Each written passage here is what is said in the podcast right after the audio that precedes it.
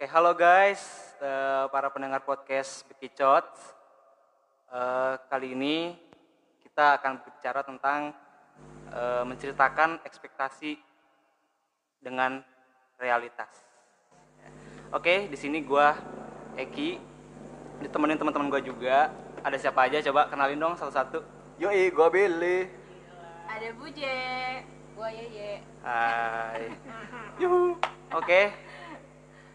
Sekarang kita mau bahas tentang cita-cita juga sih. Jadi menceritakan ekspektasi kita dulu dulu cita-citanya apa, pengen jadi apa gitu. Terus sekarang tuh realitasnya jadi seperti apa gitu ya. Oke. Kira-kira siapa dulu nih teman-teman semua? siapa? Ladies first lah. Ladies Oh. Oke, boleh. Dari yang paling kecil. Ya, rumah lah. dulu lah. Enggak lah. Yeye dulu. Silakan. Silakan. Buje dulu. Yang mau pulang duluan gini katanya kan? Dicariin emak nih, dicariin emak. Dasar anak mami. Pembahasan yang agak konyol. Ayo Ye, silakan Ye. Jadi ditanya dong ditanya. Gua kan sukanya ditanya. Ya Oh iya, ditanya kitanya. Jadi dulu tuh lu cita-citanya apa sih kalau boleh tahu ya? Ya. Jadi kalau dari kecil ya. Hmm. Kecil tuh awal mulanya gue pengen jadi dokter. Kecil tuh semana sih? Hmm. Ye? Kecil Kecilnya tuh tuh pas? Seupil. Eh enggak sih. Dari zigot. Sebelumnya pas menuju masuk TK karena gue dari kecil suka main bola. Terus suka nonton Subasa. Menurut gue Subasa itu ganteng. Makasih. Menurut gua juga kok. Iya kan? Iya. Subasa Subasa itu ganteng. Kamu sebagai apa mau Operator ikutan. Oh ya, nggak apa-apa. Iya, Subasa tuh ganteng, kemudian juga main bolanya bagus. Jadi Pokoknya malu. keren lah. Jadi lu termotivasi untuk menjadi pemain sepak bola. Iya. Oh, gitu. Cuman pas TK, pas mau samen ya kalau TK tuh Saman, ya Allah perpisahan. Iya, perpisahan. Hmm, Oke, Kan ada di kita mah samen. Oh, saman iya, ya. Ya ya. Kok gua mah gak paham sih. Sapu nyere pegat cimpai ya. Diam kau anak kota. Leleyan. Eh, Ya, langsung diam kau anak kota gitu. Silakan lanjut. Jadi pas mau samen, eh perpisahan mohon maaf ya. Hmm. Perpisahan. Perpisahan. Ditanya kan sama sama guru satu-satu, kamu mau jadi apa cita-citanya nanti disebutkan ya di panggung. Gue bilang, pada saat itu gue jadi murid terpintar ya sejak TK gitu. Insya Allah. Mantul. Iya, kamu cita-citanya jadi apa dokter? Enggak, Bu. saya pengen jadi subas. Ah, jadi kebayang gua di Menurut gue itu keren, tapi temen-temen gue yang TK aja ketawain gue. Jadi pertanyaannya mereka yang nggak keren atau gue yang konyol gitu. Tapi pada saat itu berarti belum ada Ronaldo Wati. Belum, belum, belum.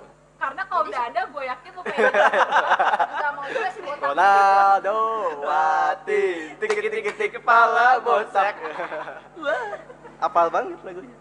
Cuman kata, cuman kata. Terus kata guru gua- apa? Kata guru, karena kan gue di TK Islam gitu kan, jadi kata guru gue nggak boleh kalau perempuan eh, Main ibaratnya bola. main bola gitu menjadikan itu sebagai cita-cita utama ada yang lain yang lain aja gitu mendidik anak-anak muklak gitu kata Iya. guru lu. Wah, Masya sebuah anugerah yang sangat luar gue biasa. mikir "Wah, pada saat itu apa yang bermanfaat ya untuk diri gue juga oh gigi gue hitam Dokter gigi. Pengen gue lampirin boleh gak sih? Lampirin foto ya dia. yang fotonya nyender ke pohon ya Yoi. Waduh. Sama yang pakai Iya. dasi SD ada. Nah. jadi intinya setelah itu dalam satu hari gue merubah cita-cita gue menjadi oke jadi dokter, Dokter dokter, gigi. gigi jadi alhamdulillah pas samen tuh gue gak diketawain Perpisahan. kan Jadi lu pas perpisahan menyebutkan dokter gigi. Iya dokter gigi Oh, ya. gitu. Kemudian masuk SD, masuk SD masih berubah lagi tuh cita-cita. Gue udah mulai aktif main bulu tangkis sama bokap. Dilatih gitu kan, dilatih dari dasar banget banget.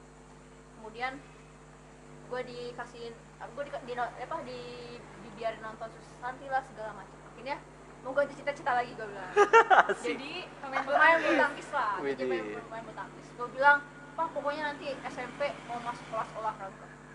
Pokoknya cariin sekolah yang ada gornya. Gitu. Terus udah gitu, masuk SMP, masuklah gue sekolah yang ada gornya. Ya. Itu sebut aja sekolah A. Ada gornya ada, tapi tapi kagak ada eskulnya. Kok bisa sih? Ya itu gor cuma untuk latihan guru-gurunya aja. Ya, iyalah. Ya udah, ya jadi gimana gua ya? nggak perlu dong nyebut merek sekolahnya. Kan tadi gue udah sebut sekolah A saja. Ah, Oke. Oh, gitu. Baik. Nanti gue dihujat sama sekolah Iya, iya, tangga. iya. Oh, jangan Iya, dong, iya. jangan. Nanti bekicot di banned dong. Oh iya, kan kenal aja lu. ya siapa tahu ya. Terus pokoknya akhirnya kan cita-cita gue menjadi pemain bulu tangkis pun pupus sudah. Aduh. Terus ya udah gue jadi mengisinya Sudah. dengan nggak punya cita-cita dulu tuh Selama selama Satu hari setahun setahun lah pokoknya pas kelas 9 itu gue udah mulai punya cita-cita baru lagi karena gue merasa gambar gue cukup bagus biarpun gambar gunung tengah-tengahnya ada matahari Ya kemudian sawahnya ya agak di pokoknya tuh agak Burungnya artistik huruf gitu. W. Burungnya huruf W. M kayaknya. Oh, M ya. digambar detail sama gue.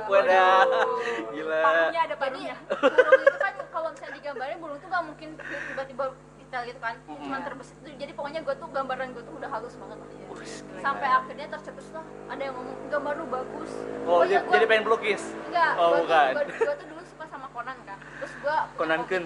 iya jadi gue tuh kerjaan di rumah gambar-gambar Conan terus kata anin gue gambar kamu bagus kok bisa mirip kayak gitu Gue saksi hidup kelas 8 lihat gambar Conannya si Yeye. oh, bagus ya Saat itu kelas pada memuji gambar Conan Yeye sih emang. Coba Mbak sebenarnya gua tak- di gua- perlihatkan. Padahal dia cuma bisa, bisa gambar konan doang. Gak bisa yang lain. nah itu jadi kayak gitu Karena sukanya Conan, bisanya gambar Conan. ya. Hmm, gitu. Kayak gua gambar SpongeBob waktu SD juga gitu. SpongeBob mohon maaf ya Gua juga kayak gambar kubus tuh gak gampang. Kalau lu beli tahu tinggal cetak aja. Beli tahu anjir bahasa Ya dong. Tahu banget. Udah kan, jadi akhirnya kan dulu di buku zaman SMP tuh kita nulis di buku ini kan buku rencana apa sih Iya, untuk masuk SMK mana Iya, iya. Oh. Terus jadi mana. si guru BK-nya itu waktu pas kelas 9 itu nanya e, kira-kira kalian mau masuk sekolah apa? Terus cita-citanya tuh apa? Itu Iya. tuh beneran ditanya. SMP-nya bagus ya. SMP kita gak gitu, Ki. Eh, ini Sampai- SMP. Iya. Oke, boleh. Oke, boleh. Satu SMP, Eki Oke, oke, sama Billy satu SMP. SMP. Bener. Oke. Next Kan balik kita lagi. satu SMP. Iya. Intinya sampai sekarang buku itu masih ada loh. Sampai akhirnya gue pernah gue sampai pikir, oh gue pernah ya bercita-cita ke sini. gitu. Terus eh karena gue nggak terlalu suka cewek, eh. Maaf, eh, ini tolong dikat aja ya. Operatornya mengganggu soalnya dia mengganggu konsentrasi. BTW kita recording nih di sebelah jalan raya. Jadi Iya. mohon maaf ya teman-teman. Ya bersyukur gue nggak suka cewek maksudnya. Sebuah disclaimer. Gimana sih?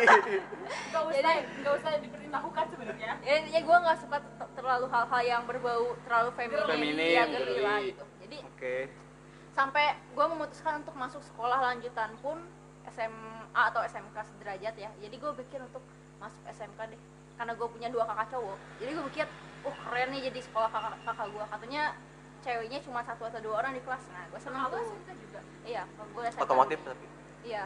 Nah, gue jadi mikir kayaknya keren juga gue gabung sama mereka nih gitu. Karena gue udah gak punya cita-cita pada saat itu. Kayak udah setengah pupus gitu. Hmm. Apa gitu belum? Apa Milih gitu apa ya. gitu. Iya bener apa? Gambar udah kayak gini. Heeh. nggak Tapi- tapi- semakin hari semakin cita-cita berganti dan semakin pupus. Semakin hilang harapan. Tapi ya itu gara-gara masalah gambar gue dipuji itu terus gue jadi mikir eh, oh ya kebetulan kakak ipar calon kakak ipar gue waktu itu arsitek dia kuliahnya. Jadi gue ter, ter ini lah terpikir lagi dia baru oh kayaknya gue cocok jadi arsitek. Oh, lu awan. Iya. Terus juga Awan. diarahin NKCTHI gak? terus gue diarahin kakak-kakak gue ngedukung ya udah lu masuk ini aja mau nggak SMK ya intinya yang SMK Beat. beat yang mengarah gue pada desain desain gitulah Hmm. udah antusias nih gue cuman saya itu kan sekolah Kristen gitu kan jadi nggak sekolah Kristen juga sih cuman mayo- mayoritas Kristen gitu jadi awalnya Kenapa sih kakak lu takut lu murtad? bukan kakak gue bukan kakak gue mohon maaf nih bapak gue Oh iya, bapaknya Yaya guru agama ya assalamualaikum Waalaikumsalam. Bukti. ngomong aja kun fayakun kun fayakun jadi susah udah mau masuk udah semangat semangat cita-cita udah punya ya kan Oh iya iya. sekolah udah ada Udah ada. udah ada yang ngarahin eh terhalang restu masuklah gue dibelokin lah gue ke sekolah yang lain nih yang katanya bagus Yang katanya teh. Bagus bagus kok. bagus tapi Kita semua alumni situ Iya. kok, masuk. Alhamdulillah. jadi intinya eh, bagus sekolah itu tuh bagus Sekolah apa sih? Wak wak wak wak wak wak wak. Nah, terus gue kan mencoba untuk mencari informasi gitu, kira-kira jurusan apa? gue disuruh maju mundur cari dulu. Maju maksudnya. Oh, Tadi dia begini gini. Ini. Kolotrak Oh, nggak boleh. Nggak boleh ke kolatakan. nggak boleh. Lu pertama nggak boleh ke kolotrak di sini. Ya siap. kalkulator gue Lanjut. apa tadi ya oh ya gue mencoba mencari informasi kira-kira jurusan apa yang cocok sama gue atau yang gue sukai? Sekilas aja informasi yang gue dapat. Katanya masuk jurusan ini lu bakal bisa bikin game. Lu bisa bikin game lu bisa bikin eh, aplikasi-aplikasi yang wah gitu. Gila sih ya, ya beneran se-research itu ya. untuk Iya. sebenarnya terus ada lagi satu jurusan baru sih. Jurusan kayak fotografer gitu kan lebih ke arah fo- foto video dan lain-lain ngedit-ngedit gitu. Iya. desain gue suka itu tapi masalahnya itu angkatan pertama jadi gue skip aja gitu Waduh. Terus jadi- Takut trial error ya. Iya. citakan Oh, lanjutannya akhirnya gue mengurutkan kan jadi milih jurusan gitu kan gue memilih jurusan pertama adalah jurusan yang mengarah kepada gue bisa bikin game nantinya gitu kemudian jurusan yang kedua gue milih yang banyak cowoknya biar gak ribet banyak ceweknya karena jurusan yang ketiga jurusan yang ketiga itu adalah mohon maaf kudu dandan oh iya iya iya. terpilih apa sih akhirnya gue milih. Milih yang yang bisa jurusan pertama pilihan pertama. Pilihan lolos. pertama. ya cuma setelah tiga tahun dijalani ternyata salah jurusan lagi gue itu buat tahun, tahun berapa baru nyadarin? Nah, eh, oh setelah tiga tahun. Enggak pas setelah dua tahun bertahan Oh, di sana. jadi pas- pas kelas satu tuh gue masih agak uh masih kan excited lah iya, iya, pasangnya gitu bikinnya, kan. gila gue bisa bikin kalkulator men. Woi, gila, semua kita PSA luar biasa. Sama satu lagi bisa bikin lampu merah. Lampu merah. Bisa bikin lampu merah. tapi mohon maaf gue lampu merah aja dibantu sama kakak kelas. Oh, joki dari SD ya Mainannya kakak kelasnya dari dulu. iya. Oh, kan kata guys. lu biar gak ada kelas aja ya. Ancaman guys. udah ya intinya eh di sana tuh Cita-cita lu apa saat itu jadinya? oh ya Pas- karena nggak punya cita-cita. Karena nggak aduh ini motor. Karena gue nggak punya cita-cita pada saat itu akhirnya gue mulai berpikir oke lah gue akan menjalani hidup apa yang gue lakukan sekarang aja. Lakukan yang terbaik. Pada saat itu gue programmer ya Mm-mm, ceritanya waktu kelas tiga kan, Ah, berarti. programmer. Ya udah gue udah berniat kayak gue lulus akan bekerja sebagai programmer. Biarpun gue nggak bisa gitu kan jadi gue nggak bisa kayaknya gue nggak bisa tapi ya gak mungkin juga tiba-tiba gue kerja yang lain gitu kan. Iya. Ya udah. Tapi dua bulan sebelum kelulusan tercetuslah omongan dari bokap gue gimana? Duh papa pengen salah satu anak papa ada yang jadi guru. Sedangkan kakak gue yang ketiganya udah nentuin pilihan udah punya kerjaan semua ya jelas lah siapa lagi kalau bukan gue yang jadi guru. Ya kan lu anak bungsu. Iya, terus lagi itu kakak gue tercetuslah cita-cita mereka yang belum tercapai duh gue pengen punya adik yang masuk Oh perguruan sabar bu, negeri sabar bu, tinggi." sabar bu, sabar, sabar, sabar, sabar, sabar. please, please, please, sabar. sabar. Jadi victim. jadi intinya gue tuh eh, apa akhirnya sedikit karena merasa eh, tertekan atau gimana? Enggak sih kayak gue sih bersyukur aja ambil sisi positifnya. Gue gak punya cita-cita gue gak punya harapan. Terus diarahin punya teh cita ya? Jadi cita. Eh kok cabut merah oh iya mohon maaf. Akhirnya ya udah gue gue nurutin aja jadi guru perkara jadi guru apa itu pertimbangannya juga ya Lumayan. seenaknya aja sih. Oh Terus dipikir-pikir gua dulu? Iya gue sempat diskusi gue jadi guru apa kalau jadi guru? Jadi guru apa kayak matematika? Aduh kata gue programmer aja udah pusing matematika sama pusingnya nggak mau. Gitu kan bahasa Inggris ya nggak nggak bisa kasihan anak-anak gue gitu kan. Yang lain-lain gue nggak Feeling suka. good doang yang ngerti. iya. Oh, yes. kata papa feeling gue good waduh. Kata papa gue like I should Spanish, Spanish, Spanish, Spanish, mau. operator lakban keluar. Oke, lanjut. oke jadi akhirnya eh gue memilih guru olahraga lah. Karena prinsipnya karena gue pikir kalau olahraga itu kan nggak selalu tentang teori jadi ada geraknya. Jadi gue ikut sehat. Apa teh bahasa bahasa olahraganya? mensana incorpore oh. Artinya? Artinya jeje artinya je Artinya awas tuh salah lo di, di yang tidak berkepentingan dilarang masuk. Nah, itu guys. enggak ini sebenarnya kita ng- ngasih kuis aja buat pendengar jadi nanti kalian cari arti yang tahu boleh ya. oke yang tahu coba kirim ke email berikut ini ada belajar. ya udah intinya eh long story short uh gila bahasa anak ini gak sih gitu gitu Iya, ya Anak podcast. udah lah jadi akhirnya gue memilih untuk menjadi guru guru olahraga dengan Tapi lu terbersit gak sih sebelumnya punya cita-cita jadi guru olahraga? enggak Karena di pikiran gua dari SMP pun gua berpikir bukannya lu yaitu- punya Iya, Oh, ya? gua berpikir ya yaitu dari SMP udah cita-cita jadi guru olahraga. oh, berarti gue karena- dikutuk sama teman-teman gue Iya, serius karena ya itu di SMP kayak semua orang tuh tahu kalau ya itu into banget sama Olahraga. olahraga jadi kayak semua orang tuh berpikir ini ya asisten kayaknya asisten Bu Nit ya? Enggak jadi Oh, asisten enggak. sih cuma kayak menonjol banget kayak semua orang tuh tahu ya itu jago banget olahraga gitu. Kayak bahkan gue berpikir ya jadi bercita-cita jadi guru olahraga tuh udah dari SMP ternyata ya yanya enggak enggak cita-cita jadi itu. Gue baru tahu Hmm. bahkan. Gue cuma bercita-cita jadi PNS pada saat itu. Wah Iya, berat benar. sekali. Iya, tapi tapi benar. Ya yaitu identik sama guru olahraga sama PNS karena dia tuh dari dulu emang udah membahas gitu loh kayak pengen PNS tapi nggak membahas pengen jadi guru olahraga tapi gue berpikir pasti dia pengen jadi guru olahraga karena dia tuh kayak jago olahraga jago olahraga dan suka olahraga dan menurut gua sangat bisa diwujudkan gitu loh cita-citanya kalau Sangat menjadi- relate. iya kayak kayak Dengan hobinya bisa dan banget lain-lain. gitu diwujudin sebenarnya kalau misalnya bercita-cita itu dan ya sekarang ibu jadi apa bu garis jadi takdirnya gitu ya? olahraga dong kan sebelum satu- jadi guru olahraga kuliah dulu Oh iya. Iya, Jadi, karena jadi, jadi gue udah merasa panjang banget. Iya. Takut kalian gak kebagian gitu kan. 16 menit 16 menit gitu Oh gitu. iya Sekali berapa orang? Tiga orang. Oh, tandanya gue harus lebih lama di sini ya. Gak bisa pulang lebih cepat. Yo, Oke siap. Jadi nyampe mana tadi? ya udah beres lu udah beres Oh, iya. Jadi, Akhirnya akhirnya lu punya lulus. cita-cita Iya. Akhirnya kan gue lulus dari SMK tuh perjuangan banget. Ketika yang lain tuh pada pelatihan kerja, gue mah di pri pripetit. Apa sebutin merek mohon maaf. Gue di lembaga di lembaga les gitu lah ya. Jadi gue kerjanya ke Ngejar, ngejar. ya ke guru tuh izin mau les gitu. Jadi gue yang lain mah dengerin pengarahan kerja, gue mah ngisi soal-soal yang gak jelas sebenarnya pas gue tes masuk kuliah juga nggak ada yang keluar satupun. karena lu sebenarnya pengen masuknya bukan tempat kuliah yang itu ya ya awalnya Yang mana?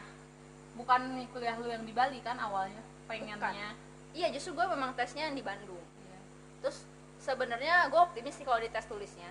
Cuman pasti tes eh, prakteknya itu gue ngelewatin satu pos jadi ada data yang gak gue isi. Terus gue dengan senangnya karena gue pas ke Bandung itu sendiri jadi gue pengen cepet-cepet pulang gitu loh. Iya, pas ngerti. nyampe ya pas pas banget gue udah naik bis udah di terminal gue baru inget astagfirullah kata gue formulir ini belum diisi. Ya udah udah fix gue nggak akan keterima di yang di Bandung itu. Tapi kayak bagus juga sih tapi nggak apa-apa lah kan lu jadi punya banyak jalan hidup lain di Bali. Iya, benar. iya. Punya pengalaman lain. Percaya atau nggak percaya gue masih jadi masih jadi mahasiswa paling brilian di Bali. Oh iya? Iya setidaknya setidaknya kalau gue di Bandung mungkin gue akan berat juga sih iya sih persaingannya. banyak saingan. Iya kalau di Bali tuh ya mungkin karena lingkupnya juga orang-orang Bali. Ada pendatang luar paling ya seberapa aja kan. Jadi ya gue merasa paling brilian di sana. Jadi maksudnya eh masa-masa kuliah gue sangat menyenangkan. Melewati dengan baik gitu melewati ya dengan sih. baik. Itu sih yang pada Uh, akhirnya mantap. gue selesai kuliah. Nggak selesai gitu aja sih sulit perjalanan di sana. Gila. Eh, intinya gue mengenal diri gue selama di Bali. Baik buruknya diri gue tuh gue mengenal benar-benar mengenal diri gue di Bali. Jadi dari segala hal yang ibaratnya baik-baik gue ngerasa di Bogor itu teman-teman gue circle-nya cir- circle sangat baik reng-rengan ini wes Thank you. Iya asli asli asli Mantap. asli peres asli asli menurut gue orang-orang reng-rengan se- senakal nakalnya orang reng-rengan itu bukan nakal menurut gue itu kayak cuman Gimik. ya gak gimmick juga Pengen- sih gitu. pengen nakal tapi nggak bisa nggak bisa. pengen nakal, pengen nakal tapi nggak bisa nggak punya nggak punya punya keberanian nggak punya iya Ya, emang nggak ada- niat juga. nggak ada Ya, contoh iya, nggak ada iya. contoh karena kita saling saling apa sih saling menguatkan dan saling berbuat kebaikan. Wah subhanallah. Masya Allah. Masya Allah. Ya Ini, Allah. akhir ini ini ini akhir ini. Udah mirip Aki belum? Tapi berarti di Bali lu menemukan banyak hal dong ya? Banyak hal banget. Hal nakal. Hal nakal. Asli gue menemukan banyak hal nakal. Tapi ya justru itu jadi kayak jadi bekal hidup gue sekarang gitu. Loh karena gue ngerasa dari SD SMP SMP paling banter gue nakal dikeluarin sama guru doang. Ya nyontek nggak nyontek cuy. Enak aja anda. Itu bicara. Enggak itu cuma lagi gibah doang. Terus teman gue malah ngejerit ah! gitu. Malah ngejerit gitu temen gue biasa temennya ya itu repot. Upai gitu. Terus yang ditunjuk malah dua bangku. Keluar lu ya udah gue keluar aja dengan senang hati. Karena pelajarannya matematika jadi gue gak suka seneng. Gue senang di luar gitu. itu aja paling bandel gue semasa sekolah. Jadi kuliah tuh bener-bener gue ngerasain ini itu. Lu punya sahabat gak sih di sana di tempat kuliah ada sahabat ada. Tapi rata-rata nggak gue pernah gue punya satu sahabat satu kelas. Cuman itu semua intinya gue kayak di akhir-akhir gue kuliah tuh gue nggak punya siapa siapa nggak punya siapa siapa gitu karena ada satu dan lain hal lah ya. Ya intinya ya emang harus kayak gitu kali. Gue kan tipe orang yang eh apa ya independen ya? Iya. apa apa tuh independen. Gitu lebih Sedangkan- suka sendiri lah Eh, kalau iya. bisa gitu. Mandiri. selama bisa sendiri. Nah itu sedangkan teman-teman gue di sana kan rata-rata lebih kolaboratif tapi kolaboratif yang menurut gue tidak membangun mereka sendiri gitu. Oke. ya minta dibantuin lah ya bahasanya. Minta dibantuin Joki, sampai joki. iya sampai. Sedangkan gue gue ngerasa ya? gue udah terlalu sibuk dengan pekerjaan gue sendiri gitu. Dan gue berpikir so so baik sih gue intinya. Kayak gue nggak mau bantuin gue nggak mau ngejoki lu nanti lu nggak bisa pas ujian segala macam gitu. Niatnya sih baik cuman jatuhnya teman-teman gue jadi menjauhi gue gitu. Jadi ya udah gue bener-bener inde- independen banget selama akhir tuh. Sampai akhirnya ada satu sahabat gue pun yang nemenin gue dari semester satu itu menjauh gitu aja gitu. udah bener-bener ya udah feelingnya feelingnya juga udah beda gitu. Yang bisa bikin lu kayak eh, gue bisa nih sanggup nih sendiri. Yang membuatkan tekad lu kayak gue harus ini sendiri. Itu apa sih? Sebenarnya nggak ada yang gue sih nggak masalah ya sendiri atau bareng-bareng. Intinya gue ngelakuin apa yang gue suka sih. Karena ya mau sombong itu gue gue kalau gue bilang kalau mau, mau di Ayunda gue suka ujian nih gitu kan. Enggak gue suka belajar. Gue suka skripsi asli. Gue suka banget sama skripsi. Makasih ya J udah bantuin motivasi oh, iya, iya. motivasi Nggak gua. dijokiin, kan? oh enggak dong. Enggak. Jadi. Tadinya mau tapi enggak jadi. Gue dapat motivasi. Lu. Pasti bisa kayak katanya. oke gue coba. Eh, akhirnya bisa. Dan karena kayak Yes. kayak kelihatan gitu loh hasilnya. Gue ngerjain dan Setuju. dosen lihat itu kerjaan dan gua. itu yang membuat gue semangat itu karena gue ngerasain dari semester satu teman-teman gue tuh kayak nebeng gitu loh di gue gitu. Kayak kerja kelompok segala macam tuh. gue nah buat teman-teman juga yang lagi ngerjain skripsi mungkin gitu kan. Yang lagi apa? Kontak ya ya di kosong. Bukan dong. Ambil baiknya bahwa yang namanya skripsi itu bisa membuahkan hasil dengan karya kita sendiri gitu jangan sampai menyerah jadi intinya yang yang yang gue rasa menjadi alasan gue kenapa gue suka skripsi karena gue mengerjakan apa yang memang gue niati apa yang gue sukai bukan karena eh, ap- bukan karena nyontoh sama orang lain sih intinya gitu Ya. kalau teman-teman gue kan ngambil penelitian Setuju. mereka intinya oh gue harus ikut gue harus bikin skripsi biar gue contoh lulus lihat contoh yang Iya, orang biar gitu gua kan lulus. karena gue juga enjoy kali ya ya maksudnya lu olahraganya lu enjoy jadi secara eh, nggak langsung juga lu akan lebih mudah nggak sih mengerjakan sesuatu yang lu sukai gitu Iya, Iya. balik lagi karena kebiasaan dari semester 1 gue kayak ketugas tuh kayak misalnya bikin makalah, bikin laporan segala macam, gue ngerjain itu bener-bener dengan serius gitu loh. Iya. Kayak biarpun tugas kelompok teman-teman gue nggak peduli, tapi gue harus peduli. Karena pada akhirnya yang gue rasain bener pada saat skripsi ketika orang lain bingung gimana caranya bikin. Lu skripsi, ngerti gitu gue kayak gue udah nggak mikirin tentang tata tata tulis segala macam yang gue pikirin adalah ide apa yang harus gue bikin apa yang harus gue lebih tulis enjoy gak lain. sih kalau kayak Gila, gila, gila, gila, gila. Yes. Gila kok gue jadi berbuat dari subasa jadi ke sini. brilian brilian parah ini emang Mahasiswa terbaik. dicontoh ini patut contoh Brilian ya semuanya ya Iya. luar biasa luar biasa Eh, mahasiswa yang kuliah dengan serius gak sih sih ya ya? Parah, serius gua, parah. iya Gua gak juga, menurut Kayak gua serius juga. gitu. kayak Iya. menjalani proses yang sangat indah gitu gak sih Iya. menuju Enggak, cita-citanya enggak indah men. Justru gue karena karena kayak gitu, gue pernah banget di saat gue kan gue perantau ya jatuhnya ya. Iya. Gue nggak punya siapa-siapa, gue nggak punya kendaraan. Sedang sedangkan di Bali itu nggak ada yang namanya angkutan umum. Gue kuliah itu bisa menempuh jarak 7 kilo ke kampus gue yang baru. dalam waktu 2 jam Enggak lah. oh enggak 30 menitan 30 doang lah. Saat gue posisi nggak punya motor biasanya gue nebeng sama sahabat gue kan. Cuman karena di satu waktu cuma karena masalah ujian. Jadi ujian karena di SMK gue mungkin dibiasain untuk tidak boleh mencontek itu kan jadi kebiasaan lagi gitu gue jadi habit lagi. Jadi bukan nggak mau ngasih contekan gue lebih takut gitu loh takut Iya. ketahuan sama dosen untuk ngasih contekan. Dan gue juga emang nggak perlu nyontek gitu. Bukan karena gue pinter tapi karena gue ya udah gitu.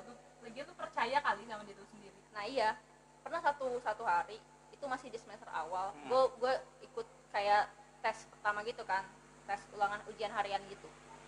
Dari lima soal sebenarnya gue cuma bisa ngisi tiga soal, esai.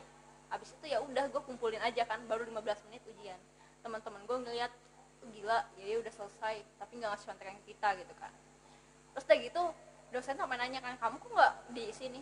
Udah pak, saya cuman ingatnya segitu aja, bisanya segitu aja. Udah gue gue pulang kan. Dulu zamannya BBM ya, gue pasang 100 BBM kata gue. Ya bisa nggak bisa, istilah semampunya, ketawa gitu kan.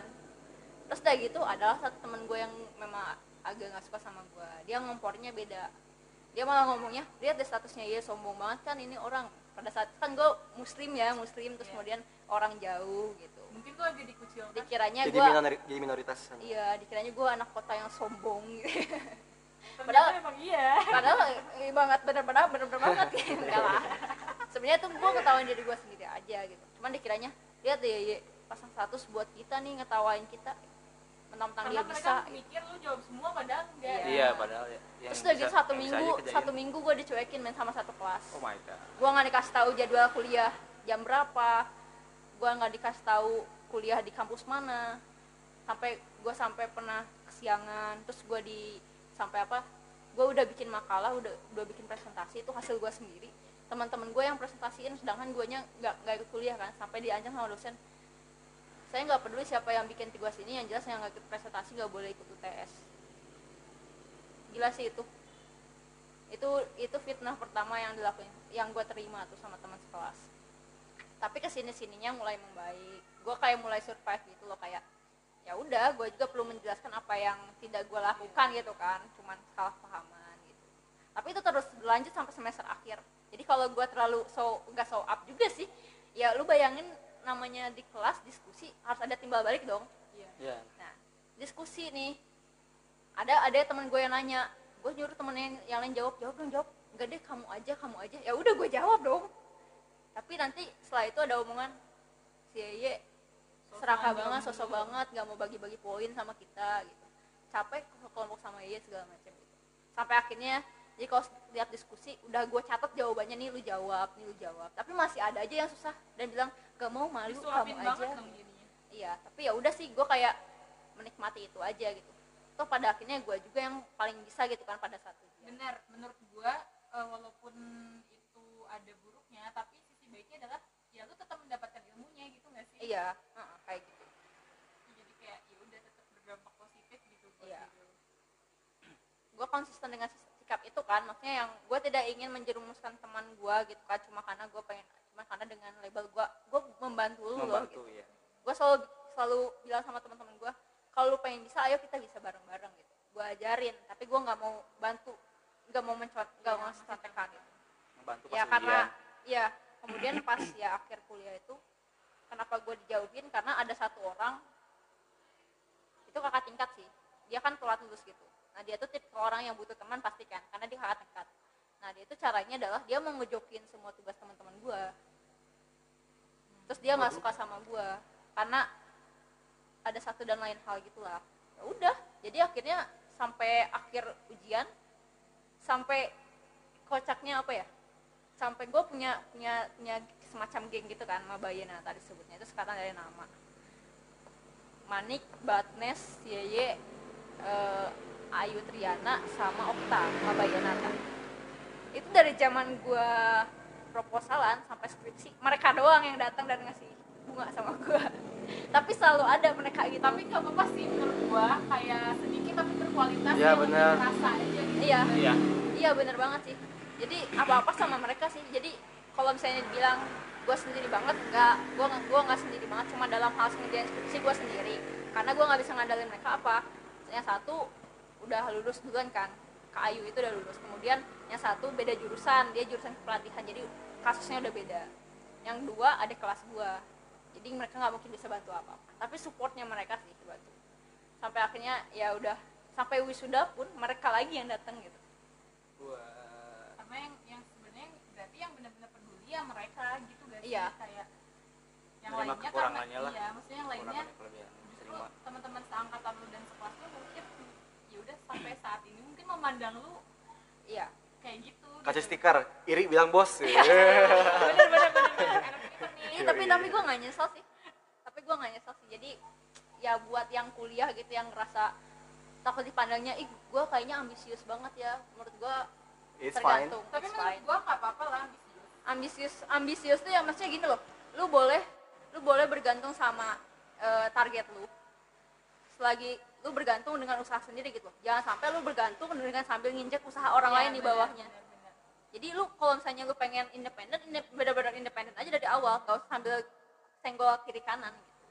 dan kalau lu mau bodo amat ya udah bodo amat aja lu nggak usah ambisius juga nggak apa-apa terserah lu ya Iya. sih pokoknya ya bawa bawa enjoy aja sih enjoy life ya tapi berarti eh, intinya sebenarnya dari sekian banyak cita-cita yang lu punya dari kecil banget sampai sekarang adalah harapan lu yang terwujud gitu nggak sih? Karena kan nah balik lagi ke sana. Kan kalau sih denger dari awal gue cita-citanya pengen jadi pemain sepak bola subasa. Iya, kemudian ada pengen gitu. Iya kemudian pengen jadi atlet bulu tangkis. Nah sekarang jatuhnya gue jadi guru olahraga. Ada lah. Dan akhirnya kalian lu bisa nguasain semuanya Iya, nggak sih? bener. minimal bisa eh, tahu inti-intinya lah dasar-dasarnya kayak gitu. Enggak, jadi kayak gue merasa bersyukur punya punya cerita hidup itu. Karena sekarang ketika gue menjalani profesi ini. Oke iklan guys. Ketika gue menjalani profesi ini gue kayak eh, punya nilai plus gitu loh ngelihat anak-anak gue yang gue didik sekarang dalam bidang olahraga ya. Kayak gue ngerti gitu setiap anak dia pun misalnya kemampuan di bidang masalah, olahraga kayak kemampuan. kayak apa kayak belum belum terlalu belum terlalu apa namanya belum terlalu baik dalam bidang olahraga tapi dia punya cita-cita gitu punya bu saya pengen jadi atlet ini gitu. Kayak gue tuh jadi kayak punya punya dorongan punya dorongan sendiri oke gue nggak bisa mencapai cita-cita itu tapi gue bisa bantu anak-anak gue untuk mencapai Gila. brilian brilian oke guys Jadi- cukup sekian ya. oh belum ya jadinya jadi gue bersyukur sih ya Iya. sama- udah 30 menit nih Hingga akhirnya sekarang bisa jadi Iya. guru olahraga di Iya. salah satu SMP di Kota Sini. Bogor ya. Kabupaten Bogor. jangan kota dong oke silakan capek lagi gue gak boleh pulang tapi harus dengerin yang lain dulu ya Iyalah. silakan Segmen ladies. oke lanjutannya nih lanjutannya sekarang langsung ke Buje oke lah harusnya Enggak lah, ladies first lah. Ladies first dulu lah ya biar pas sejam udah beres Iya, iya, betul. Kita enggak usah, Ki. kita gak usah Enggak sih, Emang cuma kalau gue kalau gue pasti cek Enggak. ka- kalau gue pasti Cuma cepat kelamaan aja. karena gue simpel orangnya nggak punya cita-cita yang spesifik atau cita-cita yang bener-bener mendasari gue dari kecil sampai sekarang gue pengennya itu tuh nggak ada jadi kalau waktu kecil gue pengennya Mhm. nggak tahu nggak ada SD, Serius, SD. SD formalitas kali ya? Hmm. lu suka apa deh? Jadi dokter? Enggak enggak. Kan kalau iya nggak sih kalau anak kecil tuh suka punya cita-cita formalitas? Ngerti nggak sih kalau yang ditanya? Iya. lu tuh tahu gitu jawab apa? Hmm, karena lihat contoh juga kan Iya. tentara dan kalau gua dari kecil gua nggak tahu cita-cita gua tuh jadi apa. Beneran kayak apa ya cita-cita gua? Tapi kalau hobi kalau hobi sih gua hobinya nyanyi dari kecil tapi gua nggak berpikir someday gua pengen jadi penyanyi tuh enggak juga gitu. Kayak gua ngerasa kayaknya bukan dijadikan suatu cita-cita tapi ya udah gue suka itu gitu. Tapi kayaknya gue waktu kecil pernah punya cita-cita. Tapi cita-cita ini tuh bukan berdasarkan yang gue suka atau berdasarkan yang gue tertarik bukan sama sekali. Tapi cita-cita ini tuh berdasarkan gini. Jadi bapak gue itu eh, cita-citanya jadi arsitek Hmm. terus bapak gue gue. iya iya bapak bapak gue tuh cita-citanya jadi arsitek tapi bapak gue tuh eh, sekolahnya kan SMK-nya ngambil jurusan kayak arsitek gitu kan sebenarnya pantesan rumah Iya. anda terlihat Sekarang sangat jadi bagus ya, guys. luar biasa enggak jadi Ya, titik, titik kumpul semuanya. iya SMK-nya itu Estetik banget. bapak gue tuh kalau dulu sih namanya bukan SMK ya zaman bapak gue nggak tahu kok Semea bukan ya? Apa sih? Nggak tahu namanya apa. STM. STM tapi STM-nya tuh bukan mesin bukan kayak gitu bangunan gitu loh. Jadi ya basicnya bangunan. Terus bapak gue tuh nah ini ceritanya kenapa bapak gue bisa nyampe Bogor dari Lampung. Jadi bapak gue tuh kuliah di Bogor di Unpak dulu di Unpak itu ada jurusan gue nggak tahu sih sekarang masih ada apa enggak yang pasti jurusan kayak teknik sipil atau arsitek gitu kali masih ya ada gue Masih pernah ada. menangani klien yang yang Nah, masuk di sana Iya, Masih bapak gue tuh dulu ngambil jurusannya di situ. Cuma bapak gue tuh nggak nyampe selesai baru tiga sema- eh, baru tiga semester tapi udah berhenti kuliahnya karena waktu sayang itu iya karena waktu itu kakek gue usahanya bangkrut di Lampung pas bapak gue semester 3 jadi bapak gue tuh ya udah berhenti kuliah terus kayak ya udah kerja yang lain itu deh demi menyelesaikan Studi. studi adik-adiknya gitu terus gue tuh jadi terpikir apa gue jadi arsitek ya gitu Lanjut, Demi- lanjutkan mimpi Iya, orang iya, tua. iya, Iya, Bapak. Tapi itu gua kepikirannya pas SD SD ya. Gila. tapi gue enggak SD gue masih mikir Gue mikir Tamiya. apa ya? Mikirin Tamiya, mikirin main, main, main, main kayaknya. Iya bener. tapi kan gue nggak suka maksudnya tuh gue nggak suka bangunan gue nggak suka arsitek terus gue nggak ngerti juga tapi kayak ya udah Terus cita bapak lu gue ya gue cinta keluarga gue Wah. jadi ya udah pikiran random aja gitu kayak eh, apa gue jadi arsitek ya? Biar kayak di sinetron ngerti gak lu? Ya. Ditanya tuh langsung ada jawabannya iya, iya, gitu. kalau di sinetron kan demi melanjutkan cita-cita orang tua gitu kan. Biar gitu aja. Gua dong. Dari kan gua kayak gitu gua sinetron dong. Iya iya kita sinetron ya iya. Cewek Jadi- drama iya cewek drama. Jadi gue sih mikirnya gitu apa gue jadi arsitek? Ya gue bilang gitu nah cita-cita itu cita-cita jadi arsitek itu bertahan sampai SMP kayaknya. SMP gue masih berpikir apa gue jadi arsitek ya? Masih memikirkan itu gitu masih. Tapi nggak yang bener-bener gue pikirin banget juga enggak tapi kalau ditanya apa kayaknya gue jawabnya itu gitu. Tapi pas kelas 9 nih ada ada nyambungnya nih sama yang si Yeye. Gue kan sama Yeye satu SMP jadi pas kelas 9 tuh guru BK tuh nanya semua anak abis ini mau ke mana mau sekolah di mana Lanjutin ke mana? mau jadi apa SMA atau ya cita-citanya apa Iya, gitu. pokoknya tuh kelas 9 tuh semua ditanya sama guru BK Hmm. tapi saat itu gue udah nggak berpikiran buat jadi Arsitek. Iya karena karena gue mikir mungkin semakin nambah umur semakin realistis gak sih? Kayak kayaknya enggak deh gue arsitek Kayak- gitu. Bukan gua gitu. iya karena waktu SD tuh gue berpikir kayak gitu bener-bener ya Pengen udah lanjutin iya orang tua jangan bisa ngebanggain orang tua juga. biar bapak gue seneng Seneng, aja gitu iya, kali ya pikiran gue waktu SD. SD. tapi waktu SMP tuh gue udah kayak mulai realistis terus kayak kayaknya enggak deh mungkin gue punya cita-cita sendiri gitu tapi sebenarnya tidak benar-benar gue wujudkan juga asli deh dulu waktu pas ditanya itu sama guru BK gue jawabnya gue mau jadi eh, desainer ngaco Desainer banget? Ngaco. Desainer apa nih? Desainer baju, desainer Padahal bisa cuma bisa gambar bunga doang. Loh. Gak, gue inget banget ya. Gue tuh kan sebangku sama si Indri Terus pinggir-pinggir gue teman segeng gue tuh si Ragil sama si Rahmat. Terus eh, gue inget banget Kita tuh cita-citanya satu-satunya tuh kita masih ingat Gue bilang itu. Terus si Ragil bilang pengen jadi koki Dan sekarang dia beneran jadi koki Siapa Terus si Ragil ya. Terus si Rahmat pengen jadi TNI Lu bayang Ya Allah. si Rahmat pengen jadi TNI maaf ya Si Rahmat C, si C. Cuma berakhir ide ide doang. Rahmat pengen jadi eh, eh mohon maaf. Kayaknya gue lupa deh sama cita-cita gue sendiri. Bukan bukan. Gue bukan jadi desainer guys. Kalian sumpah jadi sumpah. lebih apa cita-cita Iya. Iya, coba, coba, coba. iya gue terlalu banyak memikirkan orang lain dibanding Ya gue sendiri. Waduh, please lah. tapi serius ini eh, Eki bakal denger ini ya. Cita-cita gue tuh SMP gue jadi fotografer Oke. Gila gila. direkrut Masuk ke langsung gua. Gue masa saya belum kenal fotografer deh. jadi jadi gue tuh inget banget eh, kenapa gue inget gue salah jadi waktu pas kelas 9 tuh kita ngomongnya gini eh nanti kalau ada yang nikahan pesen bajunya di si Indri ya karena waktu itu si Indri bilang dia pengen jadi desainer baju, Desainer baju, gitu oke. terus si Rahmat eh, pengen jadi TNI, TNI. nanti yang ngamanin ya Oh, gitu. gitu. terus si Ragil jadi koki nanti Yang yang, masak masak, ya oh ntar gue yang motoin Oke. gitu sumpah itu kan random banget ya obrolan random anak SMP Random banget. Nah, gue kan cita-citanya jadi fotografer tuh. Pas masuk Wikrama bahkan ada kolom cita-cita gak sih? tuh. Iya, iya, Wikrama. Ada kolom cita-cita kan? Ada kolom cita-cita nggak sih? Gua lupa. lupa gue Gimana sih? Di di nemtek MOPD seinget gue ada kolom Oh, iya, iya. Gue Ada ada ada. Ada kolom cita-cita. Karena saat itu gue berpikir gue mau masuk RPL, gue udah cita-cita gue jadi programmer. Karena biar Relate sama biar jurusan. iya aja gitu, biar relate aja sama jurusan. Padahal gue sebenarnya cita-citanya yang terakhir itu sebelum masuk Wikrama ya gue jadi fotografer gitu terus gue kayak tapi sebenarnya kalau fotografer sampai sekarang pun Padahal gue suka gitu Yang gua liatin lu estetik lo dalam segi iya iya makasih ya bapak SGP dipuji men Tuh dipuji sama makasih ya sama SGP. ID. Gila gila gila. akankah gue wujudkan cita-cita gue tertunda iya jadi Oke. gue tuh cita-cita kayaknya sih dibanding semua cita-cita yang pernah gue pikirkan yang paling realistis mungkin fotografer gak sih karena kalau arsitek tuh gue kayak cuma ngawang-ngawang doang Perlu studi yang tinggi juga. Iya, terus kalau misalnya penyanyi juga gue enggak, gue bukan menjadikan itu cita-cita kayak hobi-hobi aja gitu. Terus yang paling terpikirkan sama gue buat jadiin cita-cita dan kayaknya bisa-bisa aja diwujudkan saat itu fotografer gitu. Tapi bodohnya gue dan anehnya gue, kenapa Wikrama gue nggak masuk MM?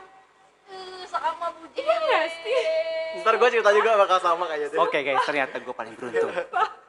karena gue terlalu takut itu generasi pertama Iya, benar. takut Bukan. Benar kalau gue ya. bukan kalau gue bukan kalau kalau gue alasannya gue masuk RPL adalah saat itu di mata gue jurusan yang paling keren adalah RPL di mata gue terus di mata orang tua gue kayak elegan gitu ya? iya di mata orang tua gue jurusan yang yang eh, me- Menjanjikan. menjanjikan iya juga RPL atau TKJ tapi kan gue nggak mungkin masuk TKJ gitu kan karena gue ngerasa kayak enggak deh TKJ gitu kan. Manjat Maksudnya- tower guys. iya gue kayaknya enggak deh TKJ gitu makanya saat itu Jadi lu milih, lihat contoh ya kan, lihat contoh kakak-kakak kelas. Sedangkan Enggak. di multimedia belum ada. eh, gue milih RPL karena di pikiran gue RPL tuh keren aja gitu Biasa. dan gue nggak milih APK karena gue merasa gue nggak bisa jadi sekretaris tulisan gue nggak rapi gue anaknya nggak rapi gue an- nggak deh pokoknya gue nggak jadi sekretaris gitu nah gue nggak ngerti kenapa saat itu gue nggak pilih MM Sayang sumpah, sekali. sumpah sih gue sampai sekarang kalau multimedia itu sekelas tadi sama gue. iya. Jangan lo bikin. Kan emang sekelas pak. sama kita. Iya maksudnya gue tuh kayak kenapa ya gue dulu nggak masuk MM gitu? Akhirnya gue ya udah kan gue menjalani hari-hari gue sebagai murid RPL yang di mana gue merasa ini Bukan aku di mana? Aku di mana? Bikin kalkulator. ini siapa? Pak Musli ngomong apa? Gitu gue kayak eh, mohon maaf ini bahasa apa? Gitu gue nggak ngerti ya gue nggak tahu. Sih semua anak RPL saat itu mikir kayak gitu. Operator angkatan apa guys. gua doang yang mikir kayak gitu? Apa gua doang yang mikir ini apa? gitu. Gue juga gue juga. Iya gak sih? Karena gue juga gue juga. Sangat sangat tidak mudah bagi gua untuk memahami itu semua. Sumpah sih kayak struggling banget gak sih? Tapi gua nggak ngerti ya si Billy struggling apa enggak? Karena dia terlihat enjoy enjoy aja gitu Billy sih passionable fashionable oh gue fashion sih. fashionable Berarti passion, Oh, fashionable bukan fashion. fashionable oh fashionable. Oke. Berarti selama selama tiga tahun gue di Wikrama, gue tidak memiliki cita-cita sama sekali. Dan gue dari SD juga kali ngomong dari enggak, maksudnya SMP kan gue punya nih, di SMP Iya, kan gue udah punya ada. gitu. Hmm. Nah pas Wikrama tuh Terbelokkan SMK, lagi. gue sama sekali nggak terpikir apa yang menjadi cita-cita gue karena gue berpikir gue jadi programmer ya udah kalau someday gue jadi programmer gue pasrah. Ngerti gak sih? Bukan sesuatu yang gue inginkan tapi gue pasrahi saja gitu. Gue tuh jadi programmer. Padahal sih. ternyata padahal aku tidak pusing, sendiri guys. guys. Jadi saat itu gue mikirnya gini ini gue udah sekolah jurusannya ini. Nggak mungkin dong gue nggak jadi ini. Saat itu pikiran gue masih sesempit itu masih kayak apa yang gue sekolahi ya itulah yang harus gue jalani gitu. Waktu itu gue berpikir kayak gitu jadi ya udah gue mikir oh berarti someday gue jadi programmer. Nah Tapi tapi setelah lulus end. iya setelah lulus in the end, akhirnya gue memutuskan eh bukan memutuskan juga sih jadi ngerti gak sih? Jadi kayak eh, selama sekolah di SMK dan lulus dan awal-awal kerja gue merasa ya udah gue hidup gue tuh mengalir aja dan ya udah berarti memang mungkin ini adalah jalan hidup gue untuk menjadi programmer. Mungkin gitu kan. Gue mikirnya kayak gitu aja. Jadi yang gue dapat sekarang ya udah itu yang gue jalanin. Akhirnya gue ngoding. Selama satu tahun setengah deh kayaknya gue ngoding. dan gue ngodingnya sebagai front end. Yang di mana untuk teman-teman yang sekelas sama gue dan tahu gue gue tuh sangat-sangat nggak bisa front end gue mendingan back end daripada front end kayak gue tuh selama sekolah bisa mual-mual kalau misalnya harus ngebikin desain si webnya gitu si aplikasinya gitu heeh. jadi gue tuh misalnya nih codingannya tuh udah selesai tapi desainnya tuh belum gue apa-apain gitu arsitek aduh ada tolong. dong. Arsitek decoding gimana? jadi gue tuh se, se sebingung itu sefrustasi. sefrustasi itu selama kerja awal-awal dan di mana bos gue orangnya perfeksionis gitu dan ngepus banget. Dan dia tuh eh, bener tapi untungnya adalah kayak banyak belajar gitu sih dari yang bener-bener gue nggak bisa sama se- sama sekali gue bener-bener nggak bisa gitu front end tapi jadi kayak di jadi master? Jadi enggak juga jadi dijelaskan dan jadi tau lah desain yang bagus tuh kayak gimana gitu walaupun gue nggak bisa juga sih secara perfect ngebikin itu yang penting semua lo tahu. Iya yang penting gue tahu gitu si desain bagus tuh kayak gimana. Ya udah akhirnya gue satu tahun setengah menyerah. Gue menyerah. Tapi setahun setengah gila sih. Satu tahun untuk ukuran apa? Untuk untuk struggling di hal yang Iya. gak suka gitu loh. gue enam bulan aja udah oke oke mungkin karena gue anaknya bener-bener ya udah mungkin ini adalah jalan hidup Masih belajar gitu ya mikirnya kali ya. mungkin ini jalan bukan gue mikirnya bukan masih belajar gue mikirnya oh mungkin gue nggak punya pilihan hidup lain ngerti gak sih kayak Iya. sesempit itu gitu gue mikirnya Karena punya skillnya ini ya berarti kerjaan gue ini gitu ya. iya jadi gue nggak berpikir gue bisa mengerjakan yang lain gitu tapi di satu tahun setengah itu akhirnya gue give up dan merasa gue yakin kayaknya gue bisa mengerjakan sesuatu lebih baik dibanding gue jadi programmer ngerti gak sih karena gini eh, di akhir-akhir masa gue di kantor itu gue tuh dikasih job desk lain selain ngoding tapi jadi sambil gitu loh nah gue merasa gue mengerjakan itu lebih baik dibanding si ngodingnya Apa tuh? jadi admin web gitu tapi sebenarnya bukan admin yang ini kayak ACS bukan? bukan kayak ngerjain analitiknya terus Hmm. Kayak support gitulah Iya, bukan si ngodingnya banget. Iya. ya ngerti. Dan gue merasa mungkin manajemen gue di bagian kayak gini lebih bagus dibanding si ngodingnya. Nah saat itulah. Harapan. Saat itulah gue berpikir oh berarti gue tuh masih punya pilihan lain loh ternyata gitu. Bukan cuma Bukan harus ngoding loh ngoding. hidup gue ini gitu.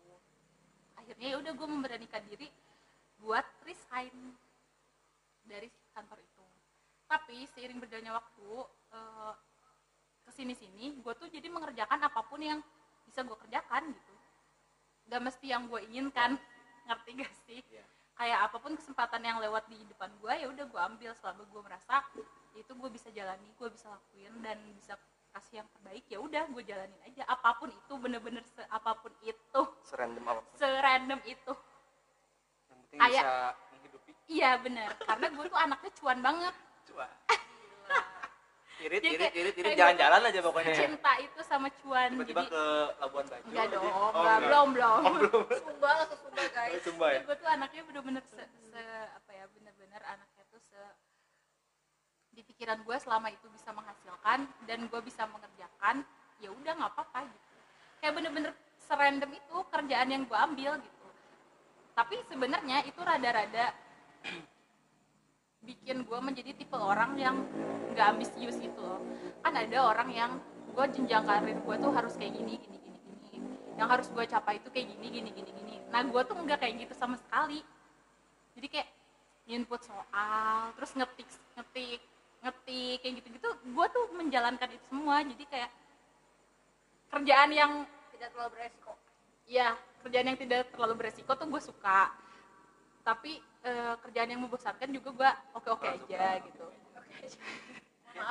Oke aja tapi maksud gue selama itu bisa menghasilkan apa pun itu ya akan gue kerjakan gitu.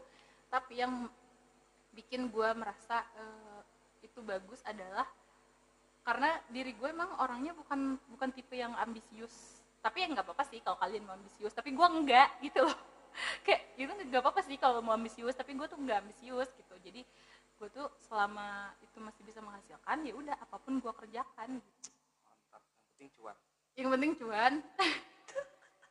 Terus ya udah gue nggak terlalu tertekan ngerti gak sih? Ya Iya. kalau misalnya namanya kerja pastilah ya ada Udah. tertekannya. Cuma maksud tuh selama itu nggak terlalu menyiksa gue ya udah kakek aja.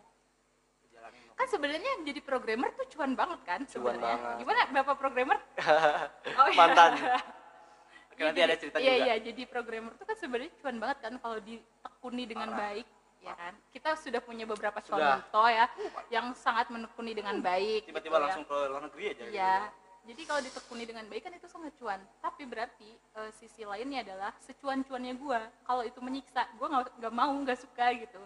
Karena karena gue tuh pada Yang dasarnya iya pada dasarnya orang itu nggak mau terlalu susah mau susah tapi kalau susah-susah banget nggak gue nggak mau gitu. Jadi gue berhenti memutuskan berhenti ngoding padahal itu sangat menjanjikan gitu. Kalau lo akan menekuni itu gitu. Ya berarti kan gue punya faktor lain selain cuan yang gue pikirkan dalam bekerja kan kenyamanan. Iya itu dia. Jadi gue apa pun itu gue jalani dan gue lakukan. Asalkan cuan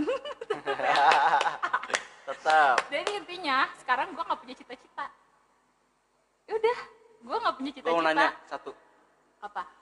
Dekorasi. Gue cita-cita enggak cita-cita tapi gue suka. Jadi ada hal-hal yang gue suka tapi itu bukan cita-cita. Tapi kalau misalnya someday itu bisa jadi pekerjaan gue ya gue su- sangat-sangat sangat suka gitu. Tapi bukan sesuatu yang sangat gue harapkan. Pokoknya someday harus Yang nggak harus tercapai nggak harus tercapai Tercapai. tapi kalau tercapai gue sangat bersyukur gitu. Itu adalah hal-hal kayak punya usaha dekorasi. Itu gue pengen banget tapi gue nggak berani menjadikan itu cita-cita. Mohon maaf ya untuk orang-orang yang harus berani bermimpi. Mohon maaf saya bukan golongan anda.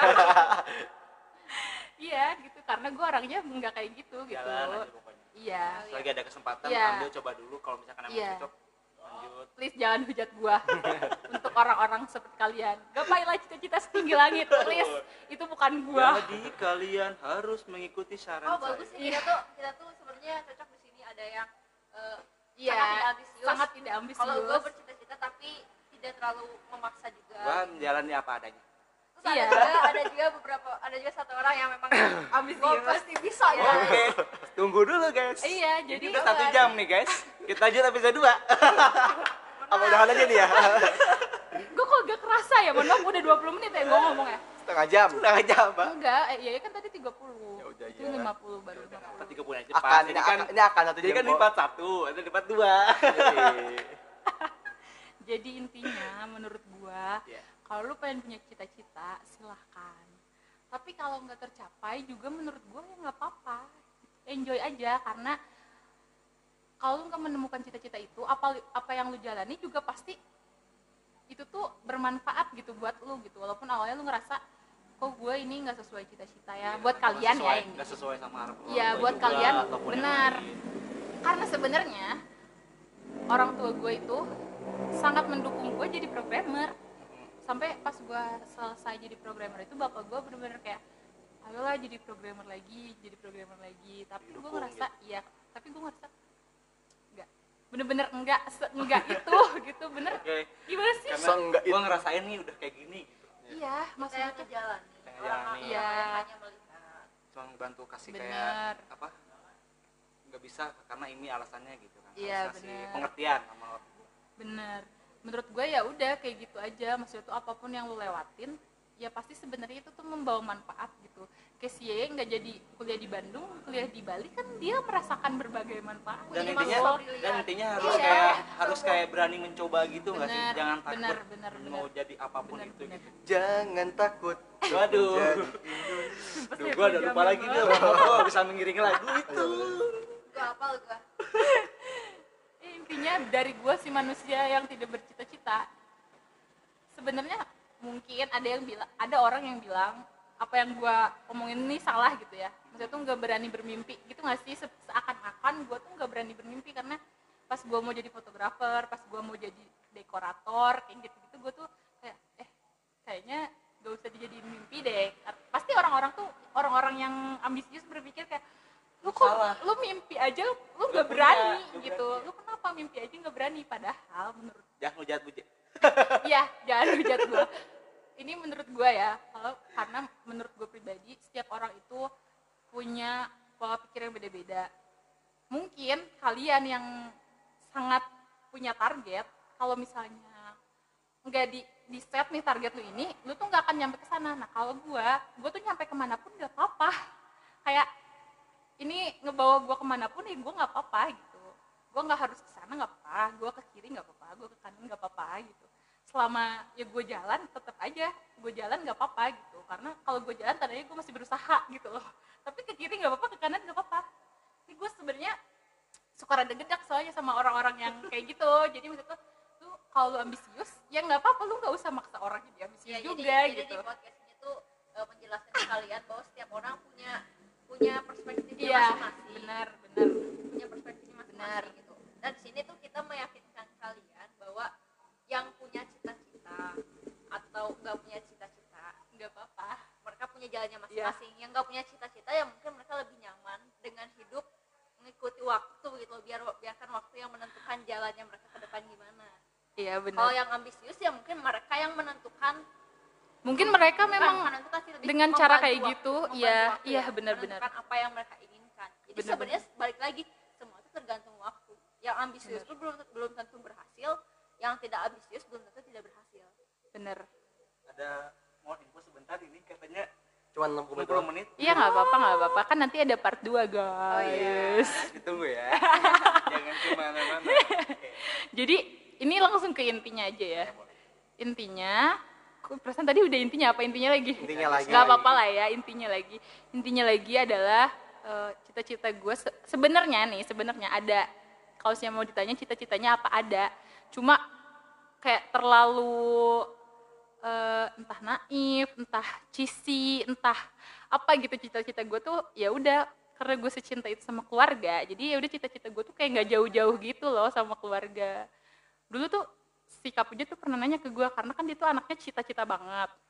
Kalau gue tuh enggak sangat cita-cita. Jadi cita-cita gue tuh bertahap gitu loh saat gue di situ cita-cita gue tuh ya udah cuma pengen beliin adek gue ini ini ini ini. Saat gue di situ cita gue cita-cita gue tuh bertambah pengen beliin ini ini ini gitu. Jadi sebenarnya cita-cita gue tuh terus berkembang gitu. Ngerti kan kalian? Jadi begitulah guys. Menurut saya pergerakan cita-cita bagi anak yang mengalir seperti diri ini gitu. Jadi cita-cita gue tuh ya udah bisa terus berkembang dan nggak stuck di satu sisi gitulah gitu tidak stuck di satu intinya ya cita-cita gue tidak stuck di satu profesi atau tidak stuck di satu bidang jadi cita-cita gue tuh Terus apa pun berkembang apa pun. ya Kan apa pun selalu ada lah. yang bikin gue terus berkembang dan bikin gue bisa eh, mencapai hal-hal yang gue inginkan untuk orang-orang sekitar gue gitu ya udah itu cita-cita baru setiap ada yang betul tercapai itu betul ya Oke, ngerti gua. Karena dulu pun kesumba adalah cita-cita gue yang gue harapkan tapi Dan ternyata akhirnya- sudah terlaksana gitu dengan tidak sengaja gitu. Alhamdulillah. Jadi semoga kita hal-hal- merasakan juga ya. Hal-hal semacam itu sih kalau di gue ya. Oke. kalau di gue tuh cita-cita tuh hal-hal semacam itu. Hal-hal yang gue gue pikirkan tapi nggak sangat-sangat gue maksud tuh nggak yakin gue dapatkan pun ternyata tercapai ya udah berarti cita-cita gue udah terlaksana yang itu. Ya udah bisa nanti bisa gue set lagi yang baru gitu. Jadi terus berkembang Intinya yang penting adalah segala sesuatu harus diikhtiarkan betul Yoi. yang terpenting adalah tidak berhenti berusaha dan mencoba udah Iya. itu aja intinya Oke, terima kasih untuk narasumber kita yang kok pertama. terlalu ini ya, terlalu eh, apa serius sekali bahasan kita ini Ya nggak apa-apa. Enggak apa-apa. Kita cuma mau memotivasi orang Memotivasi lain. orang lain. Bukan motivasi lah ya semoga ya Pasti harus ada sih. semoga Soalnya ada terkait keterkaitannya antara kita gitu minimal diri kita sendiri termotivasi Hmm. Iya benar. semoga ya eh, Semoga ada ada tercurahkan semuanya. ya ketidak cita-citaan gue ini Ya sama. Nanti kita cerita ya. Nanti kita cerita tentang yang nanti. iya Oke, terima bersama kasih. FP ya Iya. Terima kasih Bu J, terima kasih Ye terima kasih untuk podcast part satunya. Nanti ada di part 2-nya episode Eki sama Dili Yo, atau. Lutfi masih Harus mengenai juga ya, Oh, guys. pastinya dong. Masih mengenai tentang eh, ekspektasi dan realita. ya apa yang dicita-citakan dan terwujud apa tidak ya Nah, oke. Pokoknya teman-teman semuanya terima kasih, semoga bermanfaat. Sampai berjumpa di lain kesempatan. Di part 2 Oke, tetap bersama Bekicot bersama kita Kita ngebacot. ngebacot.